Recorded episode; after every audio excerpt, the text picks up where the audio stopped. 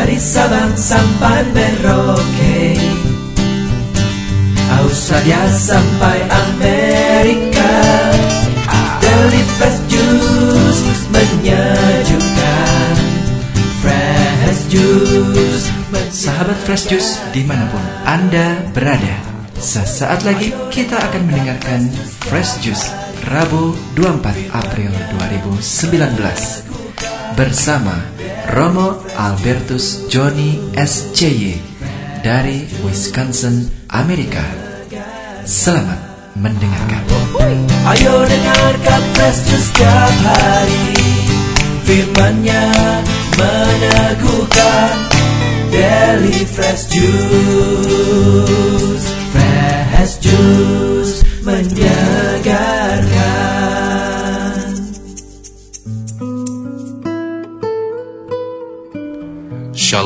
sahabat Daily Fresh Juice yang diberkati Tuhan. Selamat Paskah. Saya Romo Albertus Johnny SCJ mengundangmu untuk mendayung perahumu lebih dalam ke wilayah sabda Allah, ke wilayah sabda yang menghidupkan. Sahabat-sahabatku, hari ini Injil kita diambil dari Injil Yesus Kristus menurut Lukas bab 24 ayat 13 sampai 35. Pada hari itu juga dua orang murid Yesus pergi ke sebuah kampung bernama Emmaus yang terletak kira-kira tujuh mil jauhnya dari Yerusalem. Dan mereka bercakap-cakap tentang segala sesuatu yang telah terjadi. Ketika mereka sedang bercakap-cakap dan bertukar pikiran, datanglah Yesus sendiri mendekati mereka, lalu berjalan bersama-sama dengan mereka. Tetapi ada sesuatu yang menghalangi mata mereka, sehingga mereka tidak dapat mengenal Dia.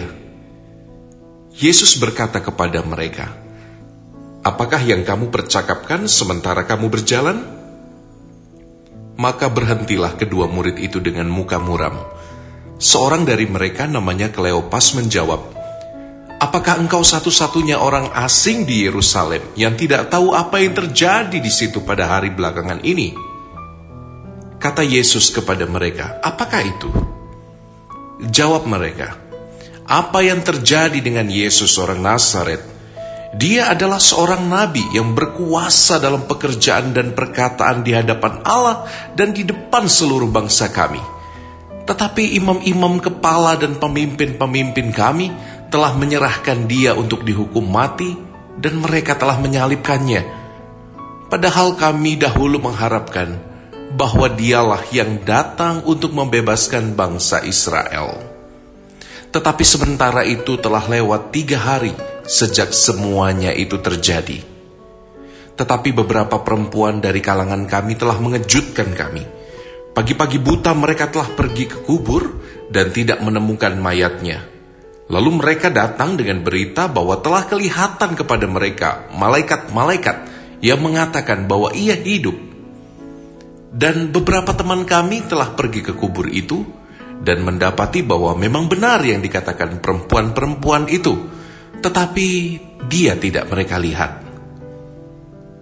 Lalu Yesus berkata kepada mereka, "Hai kamu orang bodoh, betapa lambannya hatimu, sehingga kamu tidak percaya segala sesuatu yang telah dikatakan para nabi." Bukankah Mesias harus menderita semuanya itu untuk masuk ke dalam kemuliaannya? Lalu Yesus menjelaskan kepada mereka apa yang tertulis tentang Dia di dalam seluruh kitab suci, mulai dari kitab-kitab Musa dan segala kitab nabi-nabi. Mereka mendekati kampung yang mereka tuju, lalu Yesus berbuat seolah-olah hendak meneruskan perjalanannya. Tetapi mereka sangat mendesaknya katanya, Tinggallah bersama-sama dengan kami, sebab hari telah menjelang malam dan matahari hampir terbenam. Lalu masuklah Yesus untuk tinggal bersama-sama dengan mereka. Waktu Yesus duduk makan dengan mereka, ia mengambil roti, mengucap berkat, lalu memecah-mecahkannya, dan memberikan roti itu kepada mereka. Ketika itu, terbukalah mata mereka dan para murid itu mengenal dia tetapi ia lenyap dari tengah-tengah mereka. Kata mereka seorang kepada yang lain, Bukankah hati kita berkobar-kobar ketika ia berbicara dengan kita di tengah jalan dan ketika ia menerangkan kitab suci kepada kita? Lalu bangunlah murid-murid itu dan terus kembali ke Yerusalem. Di situ mereka mendapati kesebelas murid itu. Mereka sedang berkumpul bersama-sama dengan teman-teman mereka. Kata mereka, sesungguhnya Tuhan telah bangkit dan telah menampakkan diri kepada Simon.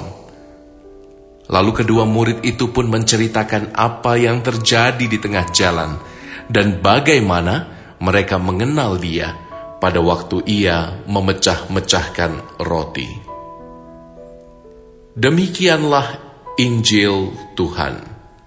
Terpujilah Kristus.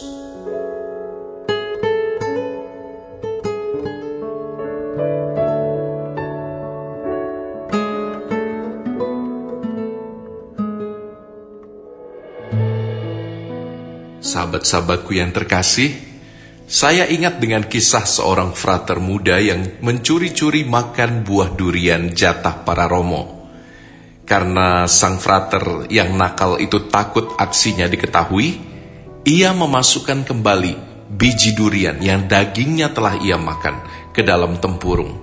Dan tempurung durian itu diikat kembali, seolah-olah durian itu masih utuh dan baik.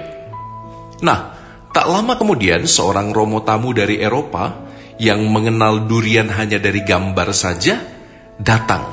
Ia penasaran. Ah, rupanya ini buah durian yang terkenal itu. Ia tidak tahu bahwa daging durian telah habis dimakan oleh frater. Tinggal bijinya saja. Sang Romo dari Eropa itu dengan penuh sukacita langsung melahap biji-biji durian. Dalam hatinya ia bertanya, mengapa orang Indonesia suka sekali dengan buah coklat muda yang keras, yang tidak ada dagingnya ini? Sama sekali tidak ada rasanya. Yang ia makan bukan buah durian, tetapi biji durian. Kisah kocak ini sahabat-sahabatku mengajar pada kita bahwa kadang-kadang memang kita tidak kuasa menolak hal-hal buruk dari orang lain, hal-hal buruk yang terjadi pada diri kita. Kadang-kadang kita tidak kuasa menghadapi cercaan, fitnah, gosip, aneka tuduhan yang menyakitkan hati. Kadang-kadang kita tidak nyaman menghadapi semua yang datang dari luar diri kita. Lebih sering pula rasa kecewa itu datang justru dari dalam dirimu sendiri ada kalanya segala sesuatu seolah berasa di luar jangkauan kita. Pelajaran sekolah yang berat, mata kuliah yang gagal, kekecewaan pada pasangan hidupmu, atau bahkan kau kecewa pada pilihan hidupmu sendiri. Lantas kita menjadi tawar hati kepada Tuhan. Kita merasa gagal dan tidak mampu menjadi siapa-siapa. We might thought that we are just the total garbage We are nobody. Dengan kepala tertunduk dan langkah yang gontai, kita lalu memutuskan untuk pulang ke Emmaus, pulang menyerah dan pasrah. Itulah yang dirasakan oleh dua murid Yesus yang kecewa karena guru yang mereka hormati dan cintai harus mati dengan begitu hina di kayu salib. Segala-galanya runtuh bagi mereka.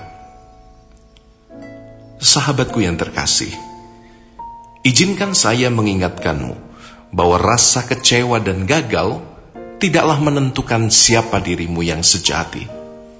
Failure does not define who you are. Dalam banyak perkara yang kau tanggung saat ini, Yesus rindu menjadi sahabat seperjalananmu. Ya, Tuhan Yesus ingin mengisahkan kasihnya dalam bagian-bagian yang paling gelap dalam hidupmu. Ia menunjukkan bahwa salibnya adalah tumpuan harapan, bahwa ia rindu berjalan denganmu dan tinggal bersamamu. Sahabatku yang terkasih di sana, di rumah Emmaus itu, Allah manusia memecah roti tanda kehadirannya dan tanda kasihnya. Dan at that very moment, the eyes of those two disciples were open. Mata mereka terbuka dan hati mereka dibakar oleh sukacita. We have seen God. Kami telah melihat Tuhan. Sahabatku yang terkasih, kau tetap mampu memilih bagian terbaik saat banyak celaka dan azab seolah datang bertubi-tubi. Bersama Yesus, kau tetap dimampukan untuk melihat berkatnya. Bukankah saat semuanya terasa runyam dan hancur, justru biasanya kita akan belajar menjadi lebih bijaksana menghadapi hidup yang singkat ini? Saat dirimu jatuh kecewa dengan banyak hal, anggap saja engkau sedang mencicipi biji durian yang keras dan pahit dalam awal ceritaku hari ini. Dan alih-alih mengumpat, engkau memilih bersyukur, bersyukur, dan bersyukur. Karena kau terbebas dari ancaman kolesterol yang jahat. Sahabatku yang terkasih, untuk semua salib yang datang, kita percaya bahwa senantiasa ada berkat kebaikan yang lebih besar dari salibmu Itulah yang Tuhan janjikan dalam hidup kita. Ia berjanji menemani kita di dalam jalan salib kita. Maka doa dan berkatku, sahabatku semua, menyertaimu hari ini. Bertekunlah dalam sabdanya dan dalam roti ekaristi. Bukalah telingamu, bukalah matamu, agar engkau dapat mengubah rasa kecewamu menjadi sorak dan sorai pujian. Aku telah melihat Tuhan, Dia hidup, Dia menang, Dia berjalan bersamaku. Kemuliaan pada Bapa dan Putra dan Roh Kudus, seperti pada permulaan, sekarang, selalu, dan sepanjang segala abad. Amin. Saya Romo Albertus Joni SCY memberkatimu sahabat-sahabatku dengan berkat dan kasih kerahiman Allah dalam nama Bapa dan Putra dan Roh Kudus. Amin.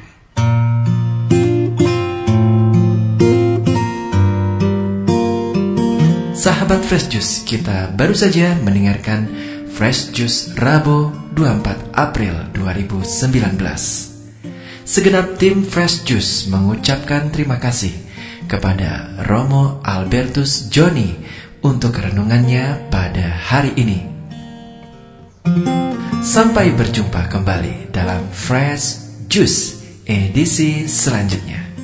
Tetaplah mengucap syukur dan salam Fresh Juice.